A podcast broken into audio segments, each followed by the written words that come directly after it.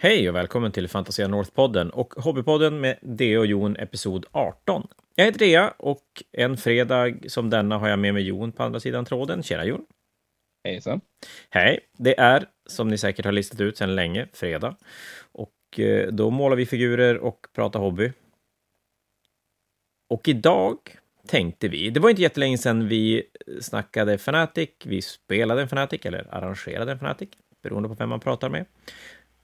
Och den här gången, och kanske egentligen en grej som fanatikerna har hållit ganska jag vet inte, viktig, som har varit en viktig grej på fanatiken väldigt länge och lite extra den här gången är målningen och framförallt då målarpoängen. Så att vi tänkte spendera en timme med att prata målning, eller prata om armémålning, hur man kan tänka och fundera när man ska börja poängsätta andras målning.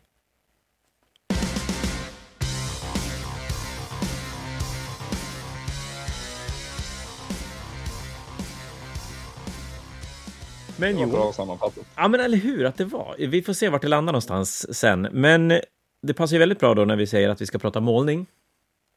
Att prata målning. Så alltså, vad målar vi det? målar. Ja, men sluta. Jag sa det redan förra gången, sluta fråga. Det har varit dåligt med målning. Hobbypodden är fan i mig min räddning till att få ta fram och sitta och pilla på figurer. Så att det är mina Repentias som, som eh, truckar vidare på. Och ärligt så blir det lite grann så att med, med tionde editionen i åt, an, an, vad fan heter det? Ah, den är på väg i alla fall. Så är ju 40K-peppen hos mig väldigt hög men det gör ju ändå att man får känslan av att man kan kanske inte behöva känna att man ska stressa ihop en armé just nu, utan man kan mysmåla lite grann, för det är väldigt svårt att säga vad som kommer att bli det man vill ha med i en eh, ny edition.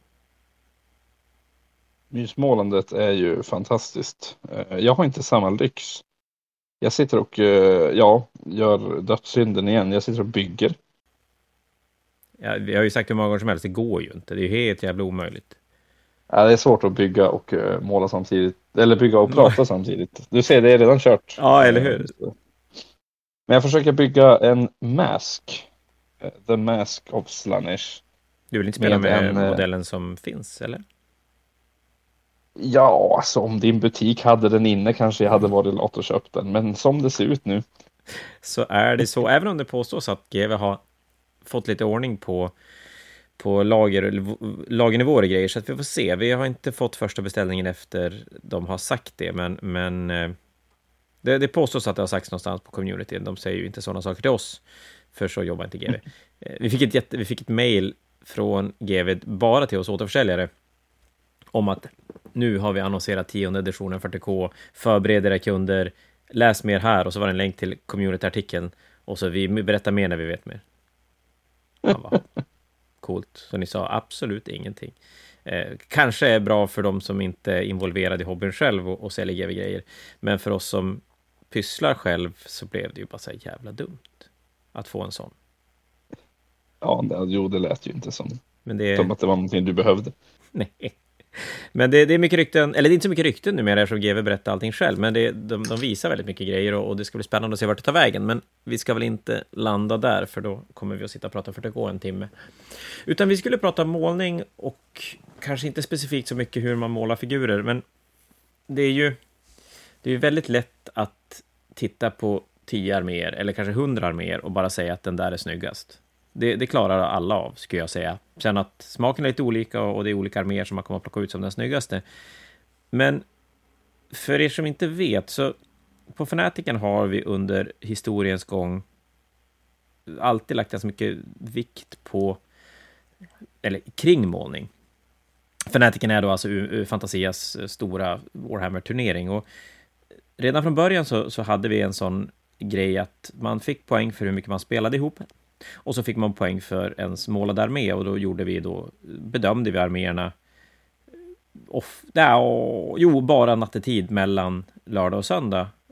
Och då fick man visst mycket poäng på en skala som lades ihop med turneringspoängen och tog fram den totala vinnaren. Sen har det som försvunnit bort lite grann och så sen nu har det kommit tillbaka och blev väldigt på tapeten då med tanke på att vi fick äran att dela ut den World Championship-biljetten till Best Overall. Och då var det då både målning och fair play och spelpoäng.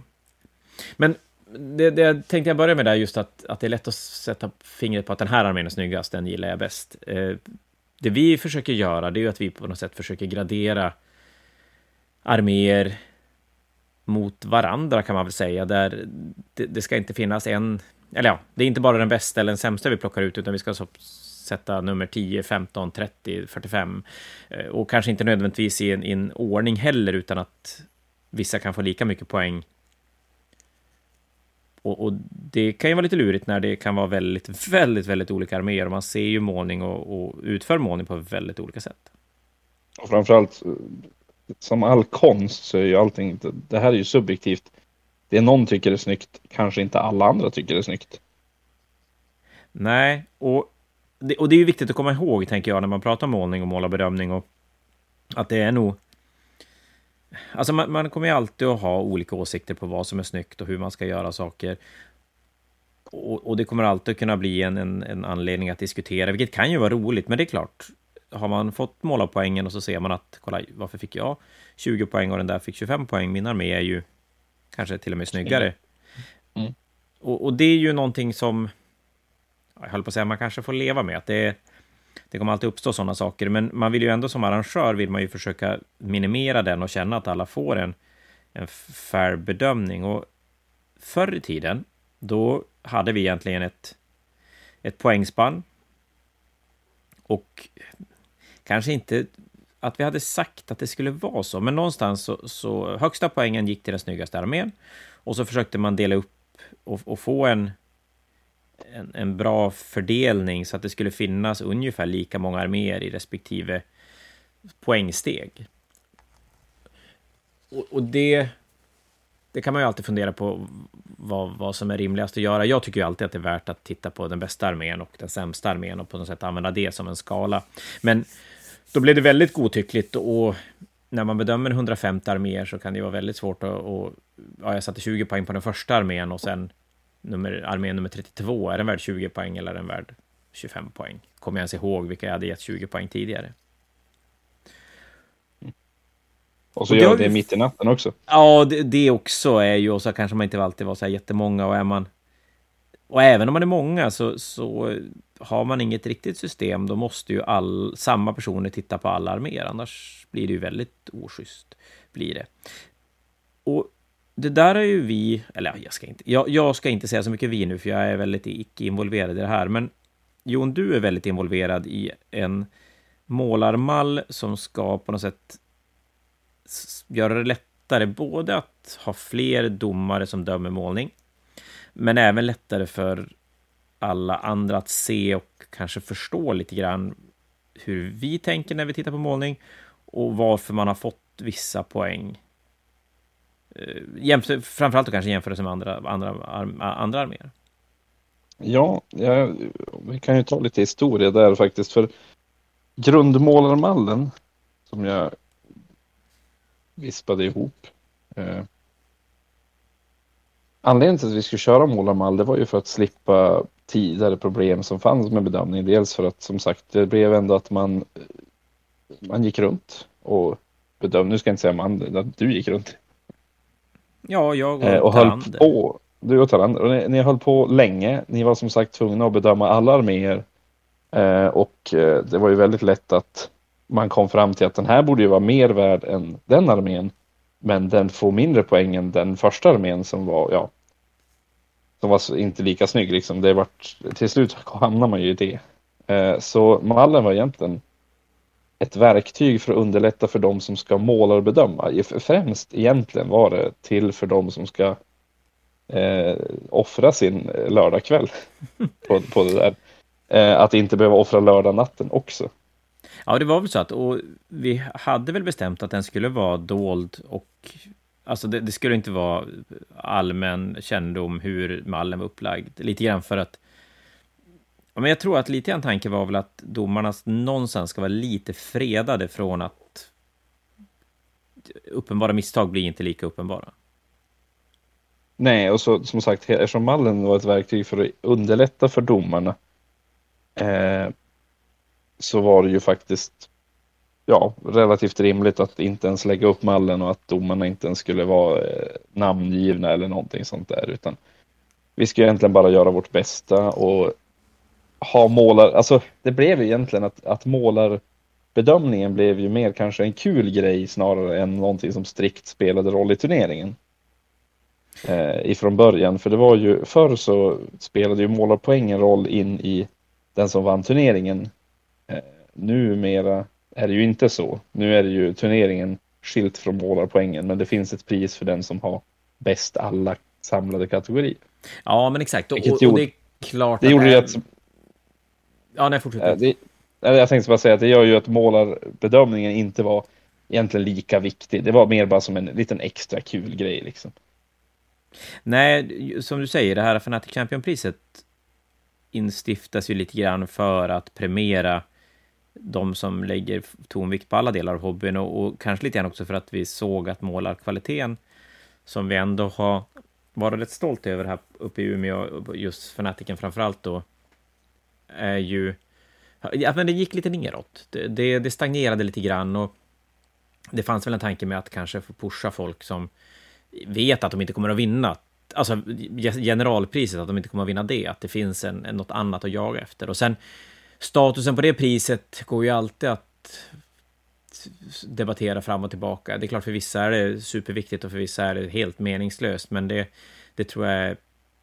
Det, det, så är det och, och det kanske bara får vara så egentligen. Men, men förhoppningsvis kan vi öka statusen på priset och som, som vi nämnde där i början då i 40K så har vi fått dela ut då Fnatic, eller Warhammer World Championship-biljetten till Best Overall på 40K-sidan. Och det gör ju att helt plötsligt så fick det den här statusen som vi egentligen kanske skulle vilja att den hade ändå. Ja, där fick den ju verkligen statusen och det eh, skulle jag väl säga påverkar beslutet att faktiskt göra den här mallen eh, publik också så att alla kunde se mallen. Det blev ju så mycket viktigare med transparens och att det skulle vara tydligare. Eh, sen å andra sidan, nu om vi, går, om vi bara spolar fram kanske året efter eh, första utkastet på mallen när vi testade den så har det ju fortfarande, alltså vi tar ju det här med målarbedömning sjukt seriöst. Ja, eh, faktiskt. Ja, jo men så är det ju verkligen. Det, det, är inte som att det bara är, alltså även om, även om priset kanske i, bör, alltså, i början var det inte lika viktigt för att i, i turneringen nu för tiden så har ju, har ju spelet varit nästan allt. Det är där rankingpoängen ligger, det är där man kollar vilka ska tas ut till eh, svenska mästerskapen eller ITC-lagen. Det är där det är där det spelar roll.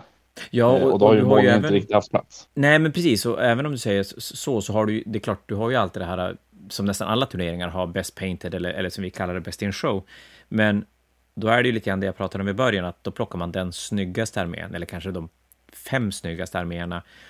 Och det gör ju ändå att du har en hel drös med spelare som inte kommer att tävla om att vinna turneringen och inte heller kommer kunna tävla om att vinna någon typ av Best in Show eller Best Painted. Och målarpoängen, ja men det gör väl att de som sitter hemma och gnetar med målningen inför en turnering kan få ett kvitto på det även om det inte kommer att ge något pris.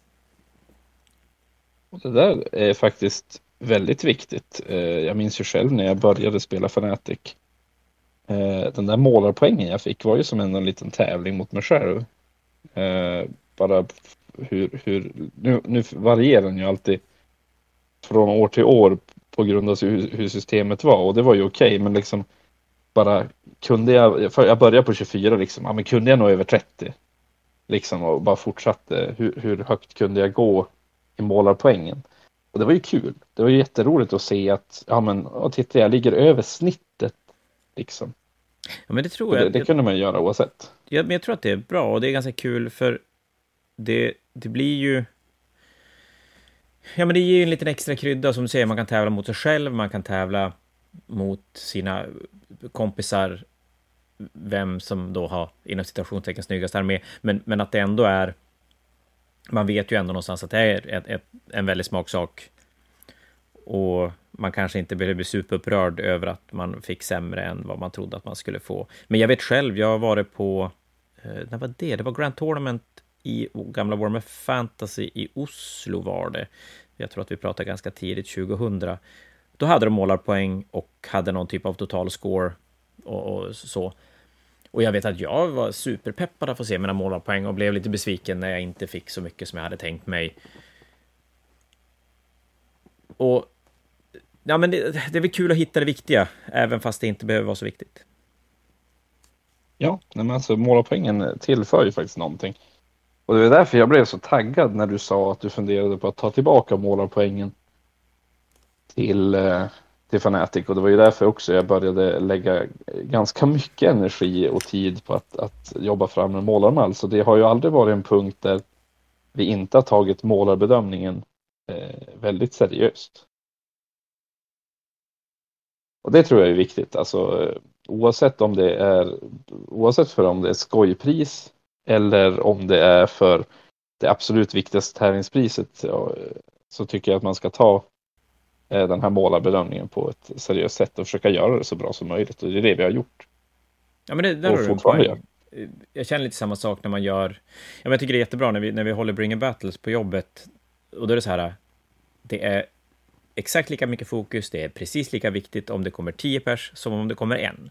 Det ska som inte spela någon roll för deltagarna och det är lite samma sak här, att ska vi göra det så då gör man det ordentligt eller så gör man det inte alls. Ja. Nu tappade jag en Harlequin-mask på golvet. Det är faktiskt jättedåligt. För de är ju små. Ja. ja. Och med hörlurar på är det svårt att höra vart den studsar. Mm. Jaha. Ja. ja, så kan ja. det gå. Nej men... men du, vad, var det limmade, vad var det limmade för någonting? Uh, The Mask till ja, men jag håller på att konvertera en egen och då tänkte jag Harlequin-maskar är jätte, jättecoola och skulle säkert se bra ut på en Age of Sigmar-modell också. Om de inte låg på golvet då? Om de inte ligger på golvet, absolut. Det, det är ju nackdelen. Jag tror jag hittar den. Coolt. Bra. Yes, perfekt. Ja, men målar, målar mall då. Eh, det gick från att vi satte en poängsiffra och så sen försökte vi godtyckligt gradera arméer efter den poängsiffran. Och, och någonstans så satte man den snyggaste armén på högsta poängen. Och kanske erfarenhetsmässigt om, om den snyggaste armén ändå var lite fulare än vad det var året innan, då kanske den fick två poäng eller en poäng mindre än absoluta max för att säga åt folk att fan, kan lite bättre. Och så sen tittar man på att nästa armé, okej, okay, men den här armén känns 20% sämre än den första armén, då får den 20% mindre poäng.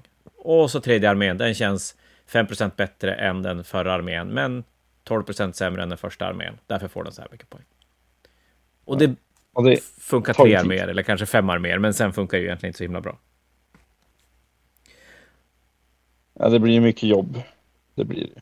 Och målarmallen då, hur, hur, eh, om vi kliver kanske lite mer in på då hur den är designad. Var ska vi börja någonstans? Ja, först och främst så var det ju, det, som sagt, eftersom ska jag säga, fokus och målet med den var ju att underlätta för bedömarna så att det där kunde göras så fort som möjligt men ändå bli så bra som möjligt. Eh, och därför designade jag den först som en, egentligen en, en mängd kategorier eh, som kunde egentligen besvaras med en ja nej fråga. Fanns det eller fanns det inte på modellen? Ja eller nej? Och så kunde man kryssa i det och de sakerna man kryssade i gav extra poäng. Vad har du för exempel på saker man då skulle kryssa i? Ja, men bara, första mallen tror jag var bara liksom, är armén målad? Ja, den var plus 20 poäng eller något sånt där. Mm. Eh, så det började liksom på noll. Är den målad? Ja, men då är det 20 poäng. Var, var den basad så var det plus 5 poäng eller något sånt. Eller var det plus 15 kanske för målning. Alltså, ja. Tanken var ju alltid att en tabletop eller det, heter inte tabletop längre, vad heter det? Det heter eh, Battle, Battle ready. ready armé. Precis. En Battle Ready armé skulle ge 20 poäng. Det var så det var tänkt från början. Och poängen ska man säga då, de, de är lite byggda för att passa in i hur mycket vi vill att målningen ska vara värd i ett 20-0 system av fem matcher. Mm, precis.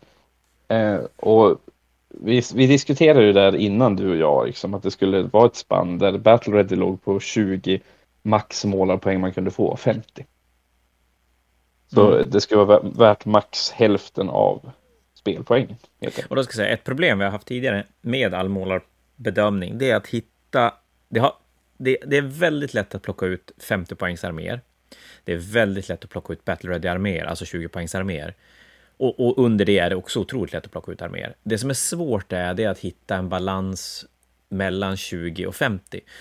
Det blir lätt att man har massa arméer på 20, man har ett handfull, bara några få där det är 30, 35, 40 och sen är resten väldigt hög poäng. Så det blir ett ganska stort spann väldigt lätt när man gör en, en mer subjektiv bedömning.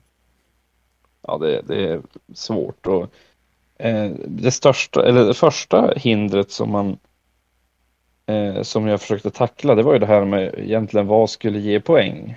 Eh, och eh, highlightad metall minns jag gav poäng i, i, i den första delen av eh, mallen. Mm. Vilket gjorde att de flesta arméer låg över 20 poäng. Så att en Battle armé var ju värd mer än 20 poäng i den första mallen. För grejen är att om, om det fanns på armén, ja, då, då fanns det på armén och då gav det poäng. Eh, och det har vi ju lyckats utveckla nu eh, på ett annat sätt.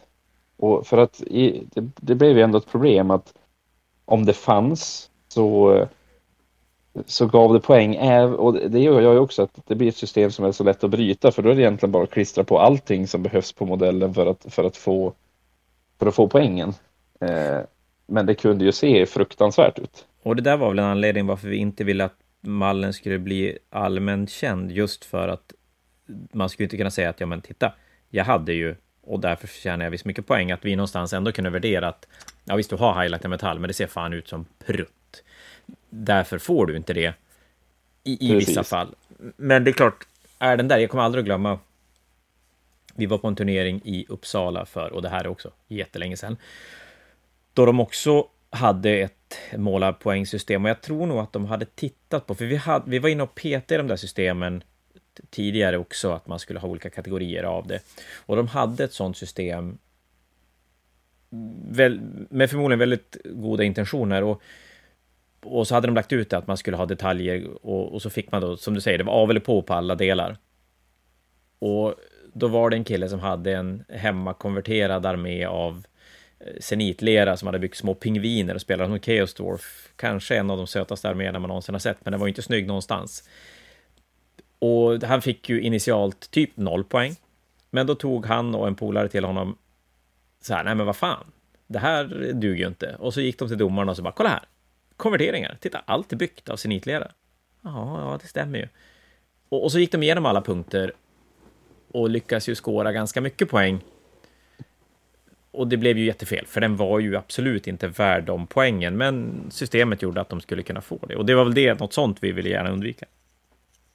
Ja, i slutändan så blev det ju som att det var någonting som vi måste undvika, men jag tycker faktiskt att eh, den första mallen där vi riktigt har lyckats med det, det är den här senaste vi använder nu. Eh, och det var ju helt enkelt dels för eh, dels för att man la in eh, att eh, det skulle vara snyggt. Alltså det räcker inte bara att det finns där, det måste också tillföra någonting till armén. Mm. Och det är dessutom att man till och med kunde gå minuspoäng på varje kategori. Så varje kategori var inte bara av på det fanns, utan varje kategori är som en slider från eh, noll där det är liksom okej okay, och, och så går det plus om det är bättre men det går minus om det är dåligt. Alltså, eller snarare att det, det kanske försämrar intrycket och sådana saker. Eh, så det, det, går inte bara att klistra eh, sprubitar på en en modell och säga titta, det här har jag konverterat. Ja, det, eh, det skulle nog snarare ge minus faktiskt. Ja, men faktiskt. Då, då säger jag målarbedömning som vi gör nu då, det, istället för att två personer ska tragglas igenom 150 arméer så på grund av att vi har en sån här mall att gå efter så kan man gå i par 2-2 och varje armé bedöms egentligen bara av ett par, inte av alla. ultimat är ju att samma personer kan döma alla arméer, men det är ju helt ohållbart. Jo, jo, det är, det är helt ohållbart. Du vill ju inte att det ska gå så. Du vill ju. Du vill ju ändå på något sätt att komma fri. Eh, jag minns, jätte, det här var ju så jättelänge sedan, men jag minns när ni tog bort målarbedömningen på Fnatic och jag minns jag pratade med dig om det, att det var synd att målarbedömningen kom, bort. Men, men du sa ju ett väldigt, du sa ju ganska rakt ut då att eh, det, problemet var att ni höll på till sent. Ni kunde hålla på till halv fem på morgonen. Och så kommer det upp en massa personer som kanske bor långt söderut i Sverige som, man, som du bara, alltså gamla kompisar som du bara ser på Fanatic. Och så kan du inte umgås med dem på lördag kväll för att du är fast i en gympasal och går runt och bedömer arméer. Eh, som folk nästan skäller på dig efteråt för de tycker att de har fått fel poäng. Ja, ja men lite så var det väl. Och nu är jag ju tillbaka till att, att vara där på kvällen och döma, men det var väl också det att det var en, det var en enorm belastning då när man Alltså, alltså man typ grät ju och jag kommer aldrig glömma att det fanns vissa arméer som alltid kom tillbaka och folk gjorde som ingenting av dem. Så man, man visste att den här armén kommer att få jättelite poäng för den är superful. Och man blev så jävla glad när man kom till den och man bara yes, omålad, check nästa. Och det är ju fel. Alltså man ska ju inte bli glad för att det står en omålad armé. Eller icke-färdig armé på, på brädet. Det, det är ju sämsta och det, så är det ju verkligen inte nu. Även om det blir ganska sena kvällar så är det ju som... Nu är det ganska roligt att, få titta på arméer och, och försöka värdera dem mot varandra.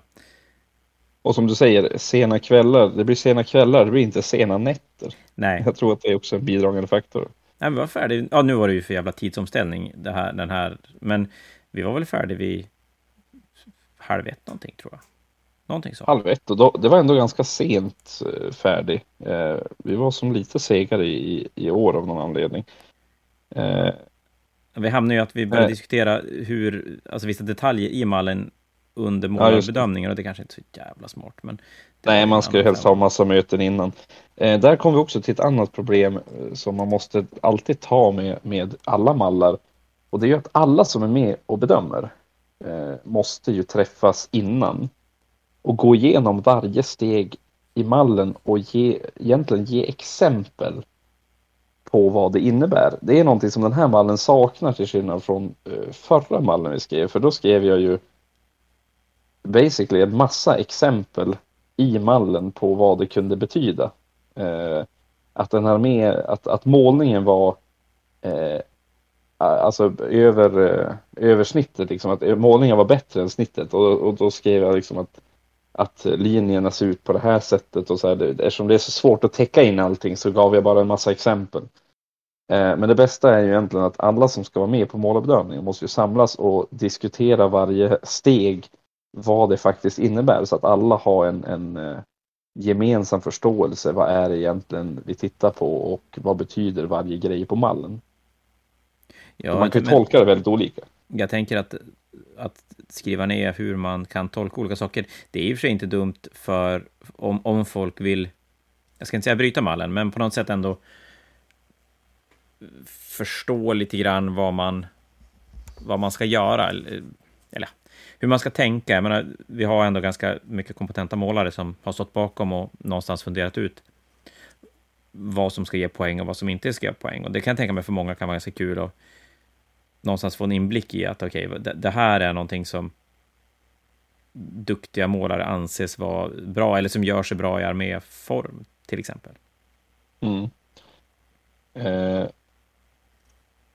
jo, precis. Och det, vi, vi försöker ju vi försöker ju också tänka, vi har ju faktiskt när vi gjort den här mallen så har vi försökt tänka på vad kan ge poäng som är lite som, vad ska man säga, värdepoäng också för att tanken med mallen var ju också att de som inte målar som en, eh, ja, Picasso. En Instagram-mål. ja. Jag vet inte om jag tycker Picasso var så bra egentligen. Nej, kanske inte hade varit fullgott på målningen. Inte min, stil, inte min stil, men eh, alltså det finns ju väldigt bra målare. Vi säger Golden Demon eh, vinnare Eh, och tanken var ju med mallen att in, man inte skulle behöva måla som en Golden Demon vinnare för att nå upp 50. Och därför var det viktigt med olika kategorier att, att absolut hur du målar ska ge en massa poäng. Men även andra saker ska kunna ge poäng, till exempel konverteringar.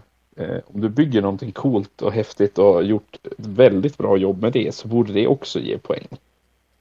Och där måste man ju direkt se upp med någonting för vi vill ju också att även om du konverterar så ska ju ändå målningen spela in.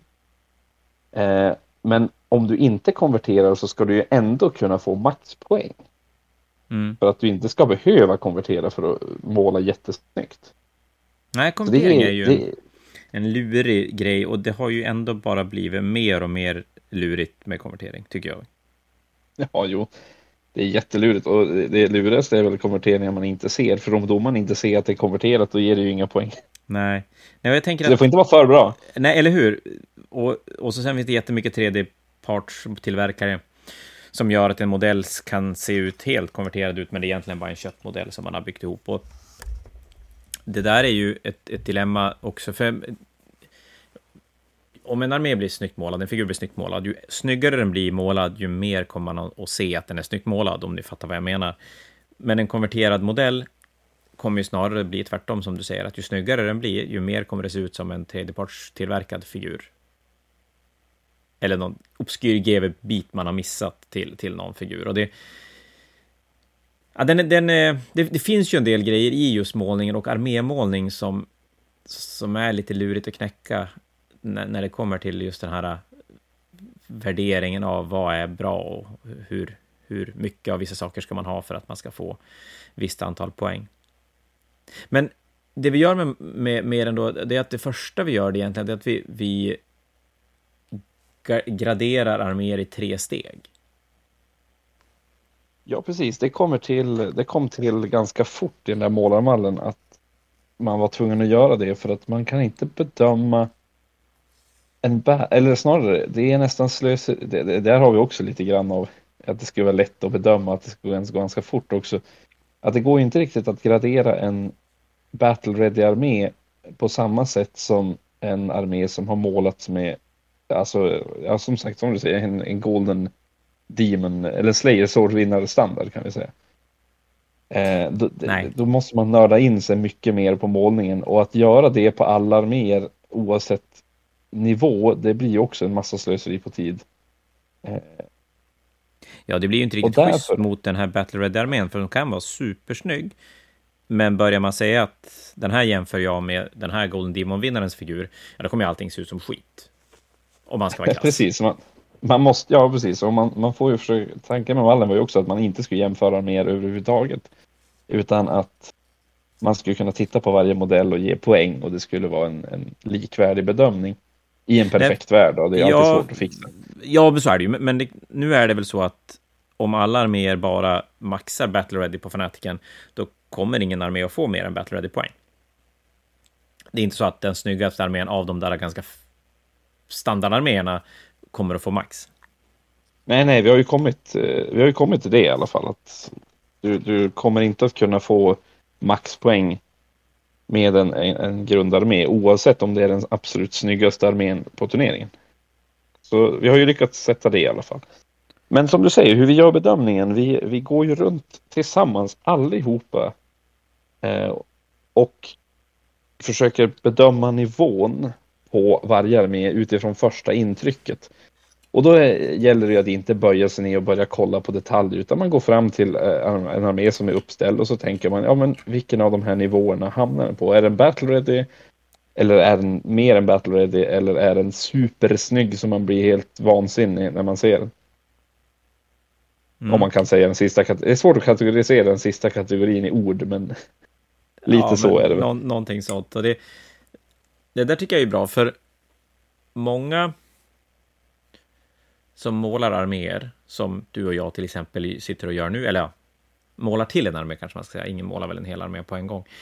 Men att man, man fastnar gärna till att titta på duktiga målare singelfigurer och bara, men det här går inte, jag kan inte måla, jag kan inte få det så här snyggt. Och så glömmer man bort att det både inte behövs på samma sätt i en hel armé för att det ska se bra ut. Och i vissa fall kan det till och med vara så att det inte ens är bra att måla figurer på det sättet i en hel armé. Nej, precis. Man, man vill ju inte att armén ska... Framförallt så är det ju ofta onödigt i armémålning. Om man ska... Har inte du ett bra exempel med en eldararmé och en display train någon gång? Där för mycket ja, blir för mycket. Var du tvungen att dra upp den? Liksom? Men det är klart. Eh, ja, ja, okej. Jag, hade en, jag hade en snygg eldararmé. Eh, Jättesnygg. Den var jättesnygg. Den var målad med stippling-teknik också, så det var lite, den var ganska snabb att måla, roligt nog. Eh, och eh, då var det en Fanatic då jag fick höra att eh, Björn som är jätteduktig på att måla, har vunnit många Best in Show på Fanatic. Ja, det är en lokal eh, kille som han har flest Best in Show-priser hittills. Sex stycken med fyra olika arméer totalt. Ja, ja fruktansvärt och bra. Han, han håller det fortfarande. Oh ja. Det där rekordet. Så det, det, är, det är riktigt bra. Eh, och eh, han skulle alltså vara med och utmana mig som Best in Show-vinnare. Då hade jag vunnit Best in Show med den här eldarmén året innan. Så jag tänkte ju inte bara ge upp utan en fight. Jag hörde att han skulle bygga världens snyggaste display tray, så jag bara kände, ja men jag bygger en display tray också. Så det blev som en kapprustning av display tray. Det här, Björns display tray är så jävla coolt. För visst var det tyrannidarmén va? Ja, det, han hade en stock. Alltså han tog en stock från skogen. Ja, och satte dit eh, så här, akvarieväxtgrejer på den för att få den att se mer alien Ja, mossa. Jag tror, han målade väl stocken också på något ja. sätt. Och... Nej, jag vet inte fan. Jag tror han bara, undrar om han lackade den för att döda eventuella insekter. Nej, det var sjukt mäktigt. Han, han, han gjorde någonting. Otroligt var... cool på, på den där. Och så tyrannidarmén som kröp över den här stocken. Yep. Eh, och han, ja, och jag, eh, jag tänkte att min eldarmé skulle, ja, jag hade ju en bas, basat armén på ett visst sätt så jag tänkte att de ska ju matcha basen så jag byggde en eh, display tray som matchade den basen eh, och sen när jag skulle ställa upp armén på den där display trayen, jag gjorde ju misstaget att jobba in i kaklet med det där tills, tills kvällen före. Eh, så jag ställde aldrig upp armén på den här displayen förrän då det var dags att beställa upp för Best in Show för jag blev ändå uttagen. Och så ställde jag upp på den här displaytrayen. Tog ett steg bakåt. Och jag såg inte armén överhuvudtaget. Jätteroligt. Ja, den, den, den, var helt kamouflerad mot displaytrayen och ändå fast jag hade målat armén helt blå och uh, uh, displaytrayen var ju grå uh, och, och, vit för det var snö på den också allting och det var ja, den syntes inte, min eldarmé syntes inte. Det vart ju skitfult. Det hade varit mycket snyggare om jag bara hade tagit svart bakgrund som jag hade året innan. Liksom. Det, det är den rätt riktigt snygg på, men ja. Så kan det gå. Sen slutade det med att varken jag eller Björn vann, i och för sig. Nej, för då kom Bränne och vann med lotade... Var det Orker som hade lotat Space Marines va? Ja, det var små grott som lotade Space Marines. Han hade byggt grott som satt med spakar i Space Marine-huvuden och, och styrde Space Marines. Så, ja. Och så var han typ 13 han, år gammal eller någonting. Ja, ja, det, han var typ ja, 13. Ja, jag tror det. 13. 12, 13. Han var, han var ung i alla fall. Eh, och bara gav mig, brände mig och Björn där. Eh, vi hade ju smacktalkat lite innan också. Så. Och det, men det ska sägas också att... Rätt åt oss. Ja, men eller hur. Det är faktiskt väldigt rätt åt er. Och Bränna har lyckats plocka ett par till efter det och, och det blir bara bättre och bättre det han bygger. Mer galet. Ja, fast nu är det Stormcast-spöken på G. Ja, de är ju jättesnygga.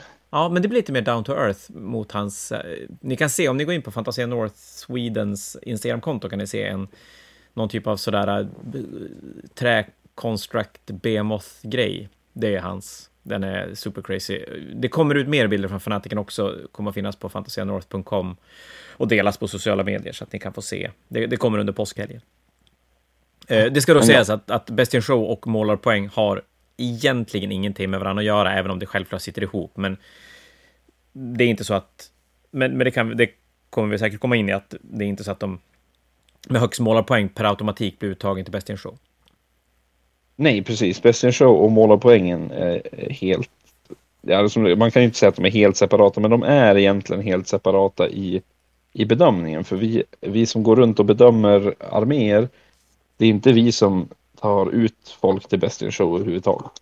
Det är ju faktiskt arrangörerna som gör det. Ja, faktiskt. Det, det blir jag och Oskar som är ansvarig. Det, och, och det ska säga att våran del i målarbedömningen är egentligen att döma ni deltagare som är med på målarbedömningen, eras arméer. Så att ni bedömer alltså, ingen av er bedömer varandras arméer.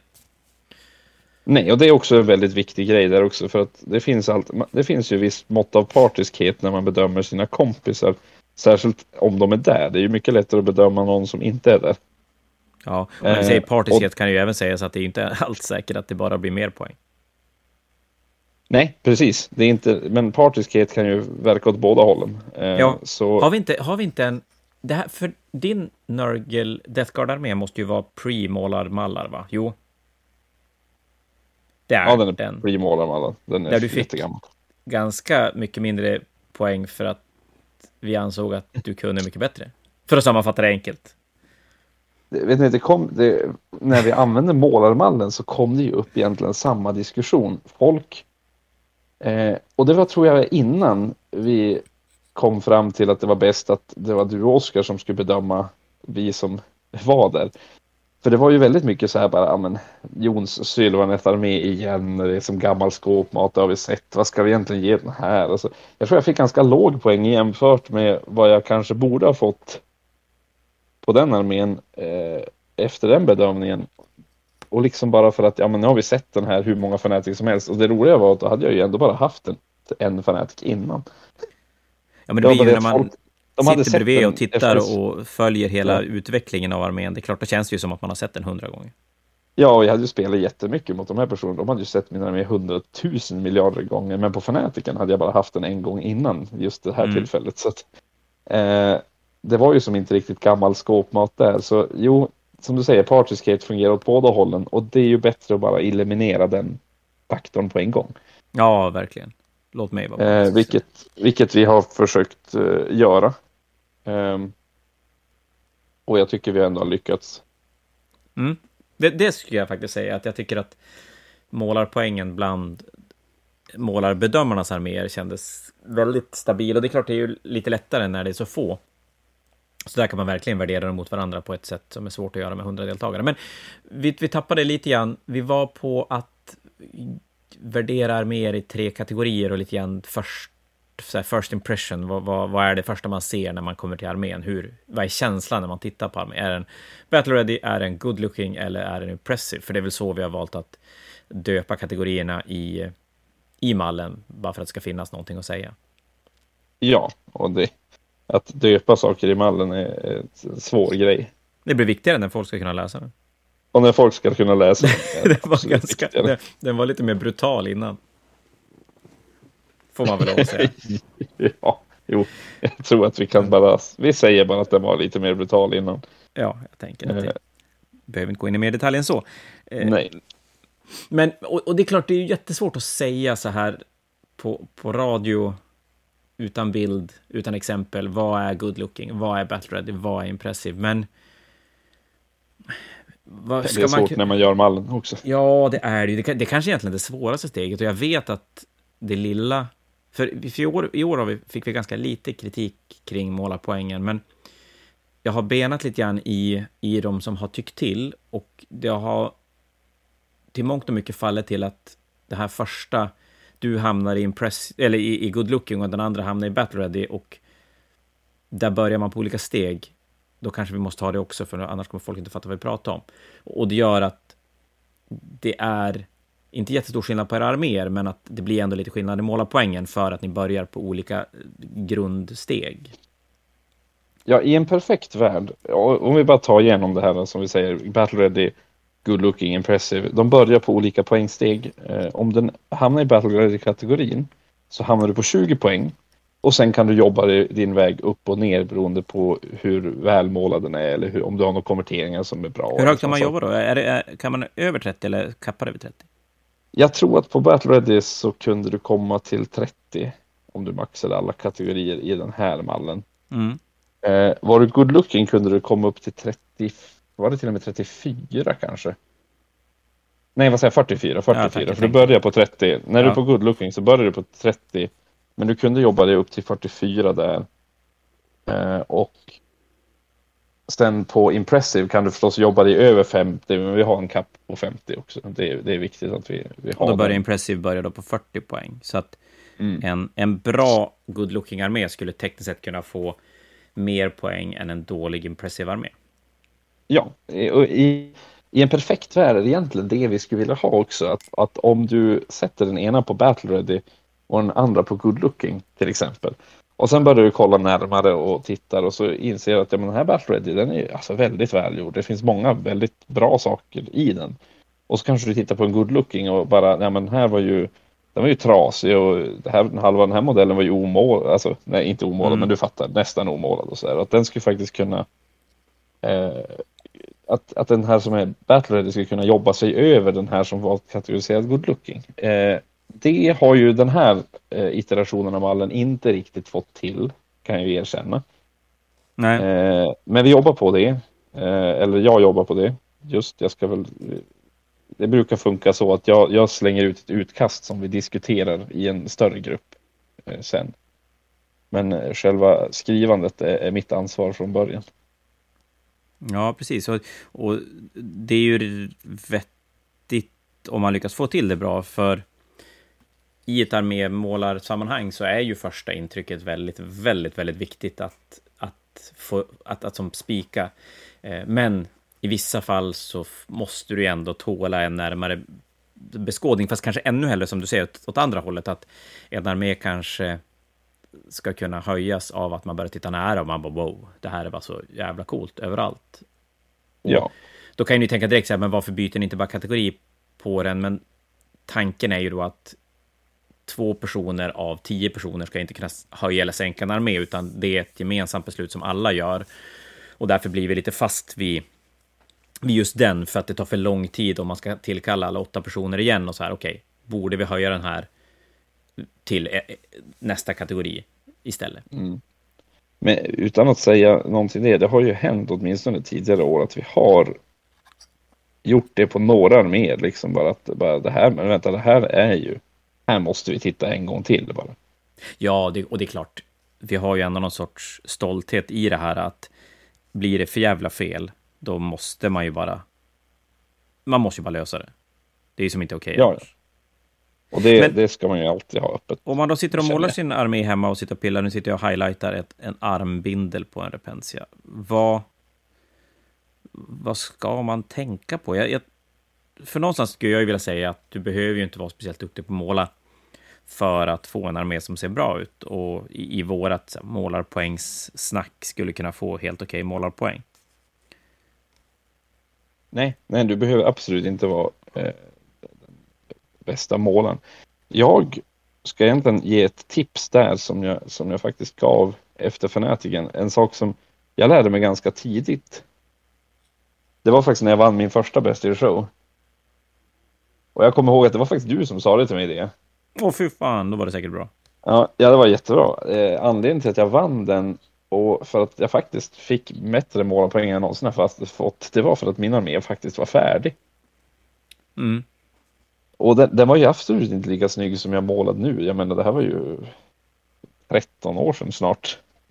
Herregud vad gammal jag är. Eh, som jag började måla på den. Jag tror jag vann Best in Show. Vilken var det? 2000, det var min kaos eh, Nurgle-armé. Mm. Första gången jag vann med den liksom. Och jag menar, det var... Det som var så bra med den, det var att den var faktiskt färdig. Allting var målat till, till ungefär alltså samma standard liksom. Det var samma basning, det var samma... Man, armén var enhetlig, den kändes som att den var tillhörde... De tillhörde varandra och den gav som sagt känslan att det här har jag gjort klart. Eh, Mm. För det finns ju väldigt många som har stressat ganska mycket med sin armé och eh, kanske gjort eh, baserna eh, kanske gjort färdigt vissa baser och inte gjort färdigt vissa andra baser. Ja, men ett, ett Eh, straff kan- som alla gör, ursäkta nu måste jag avbryta för nu Ja, blir jag upprörd kände att inte vara konsekvent i det man gör. Alltså, jag gör alla baser utom tre. Mamma, men för helvete. Hur svårt är det? Och då pratar vi inte att det behöver vara supersnygga baser som, som är massa grejs på, utan det kan vara så här, ja, men du har strukturfärg, en drybrush, två tuvor, done. Vilket du kommer jättelångt med och det kan se skitbra ut. Men gör då alla baser, lämna inte fyra stycken. Nej, precis. Och det är ju det där med att lämna inte fyra stycken och eller bara så här att Ja men tänk, eh, jag, den armé jag hade i Fnatic nu, det var ju en Caradron armé och den hade vågor på baserna.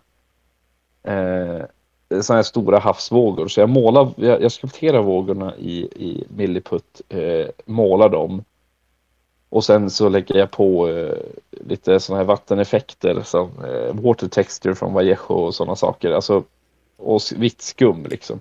Tänk om jag då skulle göra halva armén färdigt och sen resten av hälften av de baserna skulle sakna den här vatteneffekten och, och vitt skum. Ja, det skulle se ut som bajs. Ja, det skulle ju faktiskt se jättedåligt ut. Då skulle det verkligen se ut som att ja, men jag övergav den här armén halfway. Liksom. Eh, så mitt tips egentligen... Ta ditt tips ja. först. Ja, jag tänkte mitt tips till, till alla som vill knäcka vår målarmall om det ska vara någonting, det är att göra färdigt sin armé. Mm. Det blir snyggare om, om allting är till samma standard. Sen, sen behöver inte alla baser se likadana ut. Det finns ju liksom, Eh, man kan ju bygga en historia med baserna på ett sätt, men och mitt infanteri som står på klippor mitt i havet, liksom, det är inte samma typ av vågor runt om som det är på mina stora båtar. Absolut inte. Men de, de tillhör varandra och de är färdiggjorda. De, det är inte att jag har miss, eh, inte highlightat klipporna på en av baserna liksom, utan hela armén ser färdig ut, de hör ihop och sånt. Och här kommer vi till också en, tycker jag, en, en liten hjärtefråga för mig. Det är det här med commissionmålning. Att låt inte en person måla upp en modell i din armé som du sedan målar resten själv. För det kommer bara göra helheten sämre. Om det är så att det är stor skillnad på, men jag utgår för att det är så man tänker när man vill commission bort sin hjälte för att man inte... Man anser inte att man är tillräckligt duktig för att måla den själv. Men det kommer ju bara bli mycket sämre. Det, dina figurer kommer att bli fulare och den snygga figuren kommer inte att bli lika bra som om den hade stått själv.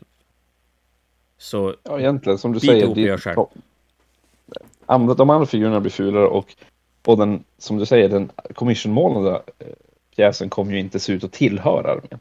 Nej, och då kommer den inte passa in och då kommer man inte... Då kommer den inte... Ja, men den kommer inte komma till rätta och den kommer inte bli lika snygg heller förmodligen. Så att, nej, då är det... Det, är ofta, det tycker jag ofta är att skjuta sig själv i foten, att vilja lägga bort en modell för att man inte anser att man är tillräckligt duktig på att måla. Mm. Det, det, blir ändå bättre om du, om du får en helhet i det. Mm. Men... Jag ville bara att jag ville bara tillägga det här med att jag säger att man ska göra färdigt armén. Det betyder ju inte att man inte kan fuska, för på, när, man, när man målar en armé så bör man ju fuska för att både hinna klart och att deras saker kommer inte att synas. Det är ingen Nej. vits att jag bländar en highlight kanske en miljard gånger för att det kommer att se likadant bra ut om jag typ blandar den bara fem gånger. Och, och då för att prata för, för oss mer normala målare som så, så först blanda inte färg. Vad fan, det är ju inte lönt. Det finns fyra miljarder olika färger att mellanvärma på, så du kommer kunna hitta någonting vettigt ändå. Du speedar upp målningen så sjukt mycket om du bara skiter i att blanda. Och det kan räcka med en highlight eller en drybrush eller kanske två. Du behöver inte och lägga fyra lager färg för att man ser någon annan duktig målare göra det. Det, det kan funka skitbra ändå. Nu förstår jag inte vad du säger. Nej, det förstår Nej, jag. Jag, det, jag skojar bara. Jag, jag har ju faktiskt slutat blanda nu. Jag, jag glazar ju bara ihop färgerna. Glaza, mumbo jumbo, fy fan. Ja, men det går ju så fort. Det, det, blandat tar för lång tid. Ja, det, ja, precis. Så ska vi väl låta bli det också. Glazandet också, så kan det se helt okej ut ändå. Jag tycker ändå att... Ja, det är klart, kontrast och speedpaint och alla liknande färgtyper har ju gjort under förmålningen på ett sätt som vi inte har sett någonsin. Jag, det påminner lite grann om när shaden och washen kom första gången och man, man kunde så här måla grundfärger och shada hela skiten och det blev okej. Okay. Men då blev ju allting brunt okej. Okay. Nu kan ju faktiskt arméerna få färg och, och se okej okay ut. Ja. Helt fantastiskt. Men, men lägg, för att en armé ska sticka ut och, och få den här first impression-grejen, om man, man tänker sig att man inte är du, utan man är en, en mer normal människa i målning då, så lägg, att lägga lite extra fokus på baserna, det är fan värt mycket för helheten. Ja, baserna är så pass viktiga. Alltså, eh, de gör ju armén. Jag menar, min eldararmé funkade ju för att baserna syntes så lite, men när jag förstorade basen så drunknade de i basen, så där gjorde jag ju bevisligen fel. Ja, och jag vet mina tyrannider till exempel, som jag har bara grå strukturfärg, drybrushat, och jag menar det är mycket stora baser i tyranniderna, och, och folk bara, men dina tyrannider ser ju bra ut, men dina baser är skitfula. Och de har ju helt rätt. Och så nu har jag mm. tillsammans med Bebbe har jag valt ut tuver och så sen har jag satt tuver. Tagit lite olika varianter, olika storlekar, olika färger. Och så satt dit och försökt ja, men inte vara så regelbunden, utan göra det väldigt som det ska kunna se ut i naturen. Och, alltså, armén har blivit mycket, mycket snyggare och det var verkligen en en 40K-match arbete ungefär och kanske 400 kronor tuver på 3000 poäng tyrannider. Och det höjde armén jätte, jättemycket. Gjorde det. Mm. Nej men baserna är jätte, jätteviktiga. Eh, vi kan ju bara ta min, min Harlequin-armé som exempel. Det jag kan ju säga exakt hur målad min Harlequin-armé. Eh, är min Harlequin-armé målad det? Alltså, den skulle ju inte fixa några mallar, skulle jag säga. Nej, ja, den överlevde ju en mall en gång. Men... Eh, ja. Nej, men den är ju inte... I min värld är ju den inte målad. Nej, eh, och jag kan nästan hålla med det där. Näst, Okej, okay, jag kan faktiskt hålla med det. Den är ju mestadels svart. Den är svart och så är det airbrushat lite vitt som gör att den faktiskt blir som smygskuggad, men den är ju basically svart. Eh, jag skulle nog säga att, åh, jag skulle nog säga att åtminstone 70 procent av mina modeller är bara svarta. Mm. Eh, men jag har lagt lite färg på vissa ställen, väldigt lite färg på vissa ställen. Och så har jag gjort sjukt snygga baser som kompletterar de färgerna på modellen plus det svarta och vita jag har på dem. Eh, jag, skulle, jag skulle säga att det är, är perfekt. Om jag ska vara helt ärlig. Där har vi ju brottats Utan... jättemycket med din armé, för det, det, ja. det finns vissa arméer genom historien som har, har gjort oss ovänner, inte du och jag, utan vi som har gjort målarbedömning och grejer. Och det där är en sån armé, för jag bara, men det här är ju på riktigt inte målat, för helvete, nu, nu får vi sluta. Men det är ju så att jag blir nog ganska färgad av att jag vet vad du kan göra och det gör att jag tittar närmare. Och någonstans så, trolleritricket är som ett barn. Trolleritricket går förbi mig för att jag, jag vet inte, jag, jag ser mm. förbi. Och det är inte för att jag är bättre, absolut inte, utan det är nog bara för att jag det är din armé och jag känner dig så väl så att jag, där kollar jag närmare. Men de som ja. inte gör det, de blir ju... Alltså den tycker ju folk är jättesnygg. Ja, alltså den, den var ju... Eh, folk ville ju som har med den armén på Best in Show. Jag ville ju bara, om jag ska vara helt ärlig, jag ville ju bara spela mina Harlequins. Den gången spelade ju målningen mindre roll för mig. Ja, men visst fick du eh, hjälp med lite airbrush av Bebbe och grejer inför? Alltså det är Bebbe som har airbrushat, ja det är Bebbe som har airbrushat dekalerna så att jag menar, eh, jag, jag, jag, jag, accepterar ju inte ens Best in Show eh. Eh, snacket för att jag menar, det är inte ens jag som har gjort hela armén. Men om, alltså, Armén är så pass omålad, men baserna är så pass snygga. Baserna, det är ju där tiden på armén ligger. Mm. Det är ju ruiner med buskar och en massa olika växter som växer i de här ruinstäderna. Det är gator och det är eh, sådana grejer. Och, och ändå är de, de, de är, jag säger att de är så pass snygga, men de är egentligen, det är inte så mycket jobb. Det är GVs eh, egna sådana här, du vet, eh, citybaser. En del av dem i alla fall, blandat med lite gamla GV-ruiner som jag har klippt upp och, och gjort lite detaljer på, men resten är ju bara airbrush och lite vad ska man säga, klyftiga färgval. Mm. Färgval blir ju väldigt viktigt. Alltså hur, hur man får intrycket liksom att de ska, färgerna ska som komplettera varandra när man ska komma undan med sånt här. Och Vi kommer nog komma tillbaka till det där med färgval och grejer, ja. för det tror jag också är en sak som... För jag tror att vi kommer att prata ganska mycket om folk som inte tycker de är duktiga på att måla, hur de kan göra, hur, hur, de, hur man kan göra. Och där kommer nog färgval bli en ganska stor del av det, för att ja. som ni säkert inser så är vi snart uppe på en timme och vi har ju pratat kring mallen nu jättemycket, eller ja, i en timme, men vi har ju som knappt nuddat den i, i, i detalj, så att vi kommer att komma tillbaka till det här. Men vi är inte riktigt färdiga än, men vi kommer att komma tillbaka redan nästa vecka med, med mer. Fortsätta gräva in i den här, för det här är något som både jag och Jon brinner ganska hårt för. Så tycker ni det här är tråkigt så, well, synd för er. Det blir en timme till. Men, Jajamän. ja, i alla bara fall. För att komma tillbaka, ja. Bara för att komma tillbaka till det du sa, det var därför jag tog upp min Harlequin-armé. För att baserna är ju det som gör armén. Min, min gubbe är nästan omålad, men baserna är så pass snygga så att armén ser ut som att den är fantastiskt snygg.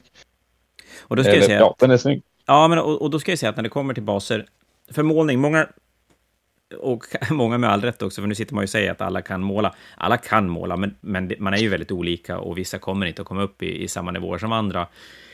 Men baser, det är ju någonting helt, helt annat.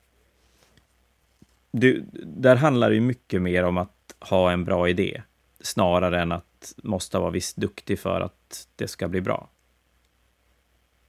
Ja, baserna ska ju, alltså baserna är så pass viktiga.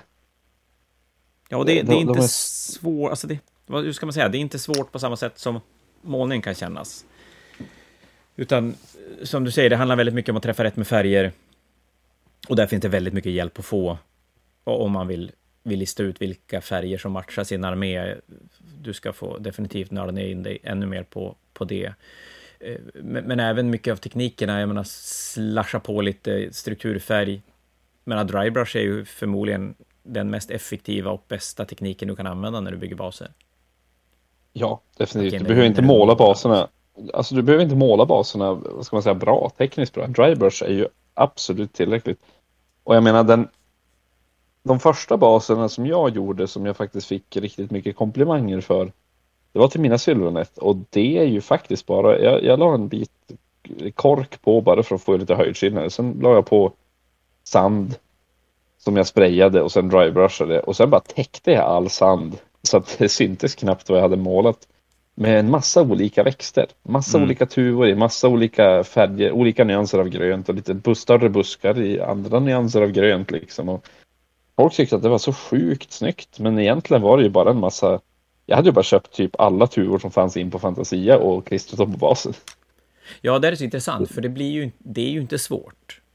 Att Nej, säga att så här, ja men jag glazar min röda rustning på Space Marinesen och det är inte så svårt för jag använder bara två färger eller tre färger. Men det är fortfarande tekniker som, som är långt ifrån självklara att du klarar av och kan kräva ganska mycket träning. Vissa kommer aldrig komma dit, vissa vill inte komma dit. Så, så där, där finns det ju stopp på ett annat sätt och det ska jag faktiskt passa på och, göra lite, reklam, lite reklam. Men det är ju ganska svårt att sitta hemma framför en burk och säga jag ska beställa den där tuvan och den där tuvan och den där tuvan, för det blir bra tillsammans. Det kommer du inte att se. Det är nästan helt omöjligt och det är väldigt lätt. Jag tycker även jag gjorde det förut. Det är faktiskt nu först när jag basade i mina tyrannider som man, man fastnar väldigt mycket i att jag ska köpa en färg tuvor och på sin höjd kanske i två olika storlekar. Men det blir ju mycket, mycket snyggare om du blandar olika färger och, och verkligen tänker dig en riktig gräsmatta istället för en, en fotbollsplan. Och det jag skulle vilja komma till det är ju att det där är som sagt jättesvårt att göra genom att sitta och titta på nätet och försöka beställa hem tuvor som passar. Och ni får ju jättegärna slå en pling till oss på Fantasia. Telefonnummer finns på hemsida. Eh, och så kan vi jättegärna hjälpa till. Säga, ja, men jag har målat de här gubbarna i de här färgerna. Vad skulle passa? Jag vill ha brungröna, beigea, vad det nu kan vara för någonting. Och så sen kan man sätta ihop ett par tuvor, så, för vi kan se dem live och, och då blir det mycket lättare att som, se till att det matchar varandra på ett, på ett sätt fast det är olika färger. Det var det. Ja. Nej, men det är ju viktigt det med, och som, som du säger, fotbollsplan. Naturen ser inte ut som fotbollsplan. Det blir inte lika bra med fotbollsplan. Om man inte kanske ska ha ett bladbollag. Men, ja, det, det ska ju vara när det. Gäller, Ja, men när det gäller baserna, jag menar eh, när det växer gräs i naturen, du ser, det är inte samma art av gräs och blommor i en fin rad, utan det är en massa olika växter som växer där de får plats. Nej, då ska du i så fall bygga en så här custodes-armé som paradar fram på någonting. Fine, då kanske allting ska se hyfsat likadant ut, men, men det är ju snarare i både 40K, och Sigmar och de flesta andra figurspelen är ju det ett undantag mot det, det mer kaotiska, det mer naturtrogna, verklighetstrogna. Men sen också kanske komma ihåg att verklighetstroget är inte samma sak som det ser ut i verkligheten. Så måla din sand du lägger på basen. Ja, ja, ja absolut. Och den ska målas med hög kontrast så att ja, man faktiskt verkligen. ser att det är skuggor i sand. Verkligen. Eh, apropå, apropå baser, jag ville bara inflika här. Jag, jag gör någonting nytt nu när det gäller baser. Eh, mina Slanners-modeller som jag målar har jag upptäckt att eh, jag har en massa ruinbitar på dem från ruiner från ett tempel. Det är dels för att Slanners-modellerna kommer med väldigt många av de här ruinbitarna som de står på och interagerar med. Eh, och då köpte jag ett gäng ruinbitar från Greenstuff World då, som du har inne på Fantasia eh, i olika storlekar och former. Klistrade det på basen och så täcker jag det i, i Grey Pumis och nu testade jag det på Sigvald till exempel. Han står ju på en stor mm. eh, ruinbit redan. Eh, så jag målade den i en färg för att komplettera modellen och sen så täckte jag den i brun jord för att komplettera färgen på basen, alltså på ruinbiten. Och sen så satt jag och funderade, hmm, vilka ska tuvor ska jag ha på det här då? Och så nu har jag kommit fram till att om jag skulle klistra tuvor på det så tror jag att det skulle bli fulare. Ja, det var less is more. Ja. Är det så? Ja, ja, typ. Och jag blev, jag blev som så förvånad för jag har ju nästan alltid haft tuvor på basen. Undantaget är väl min Caradron Armé för att det är en massa vatten. Men vart det som bara, jaha, ska jag vara utan? Det är nästan så att det känns konstigt men nu när jag tittar på basen så känns det som att det skulle nog bli sämre med växter på den. Alltså växter som också är sådär låtsasväxter. Som jag inte har målat själv liksom, utan att det är gjort av syntetfibrer och sånt där. Utan det ska nog det, förstöra intrycket. Det tycker jag också man kan ta med sig när man tittar på en... För många gör när man tittar på en armé och bygger en armé, många gör ju så att de testar färger på en figur och så ser de om de klarar av att måla det, om det ser bra ut. Och jag kan tänka mig att många gör lite samma sak med baser, att man, man tar en testmodell, man målar den, det ser bra ut, man bygger en bas, det ser bra ut. Men lite grann kan jag känna att baserna skulle man nästan kunna vänta med tills man har lite mer modeller färdigt, så att man kan få se, försöka få något helhetsintryck på nu är det svårt att testa på 20 modeller och göra baser på 20 modeller, men baser ska man nog försöka tänka i ett, en helhet. Men det kanske man ska göra med, det ska man väl egentligen göra med armémålning också i och för sig. Jo, men man måste ju ibland hitta på eftersom man kommer som modeller ibland kan se olika ut. Men som du säger med baser, det finns en anledning till att jag alltid limmar mina modeller som jag målar med superlim på basen istället plastlim. Eh, jag limmar lite lätt med superlim och det är för att jag ska kunna bryta lös dem från basen sen när jag väl har kommit fram till ett bra baskoncept. För att det är väldigt lätt att börja med dina rank and file trupper liksom och, och tänka men här blir bra baser och sen kommer du och så ska du ha ett stort monster eller någonting som ska ha en stor bas. Och så sitter du där och bara tänker jaha, vad gör jag nu då? Ska jag bara ta samma sand över hela den här? Det kommer ju se skit ut. Det kan vara exakt det jag gjorde med mina tyrannider. Har, ja men typ, en större bas med mycket tom yta, alltså där modellen blir ändå relativt liten del på basen. Den kräver ju ändå lite arbete för att se bra ut. Och om du gör en massa arbete på den men ingenting på dina andra baser, då får du ju olika basning och det ser lite konstigt ut. Det har vi kommit fram till att då blir man straffad i, i målarpoäng. Ja, du får, inte samma, du får inte samma helhetsintryck när du tittar på armén. Du, du får det ju se ut som att någon har lånat ihop olika modeller till en armé. Ja. Jag tänker att vi ska alldeles, alldeles snart avrunda, men en sak jag bara skulle vilja ta med som vi kan, vi kan rulla vidare till nästa gång. Ska man sträva efter att få höga målarpoäng? Oh. Det kan ni väl tänka på? Den tycker jag att våra lyssnare kan eh, få skicka in till din Instagram, eller vad säger jag, Fantasia Norths Instagram och eh, svara på. Ja, eller Facebook.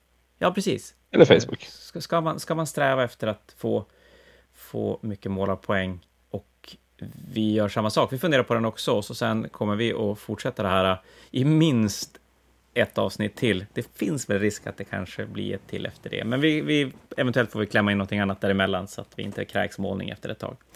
Men du Jon, trevligt som vanligt. Eh, jag har faktiskt fått lite grann gjort idag, till skillnad från förra helgen. Eh, hoppas att ni har tyckt det varit kul att lyssna på oss. Vi eh, tycker det är kul att prata i alla fall. Så hörs vi om en vecka. Ha det bra allihopa. Hej då! Hej då!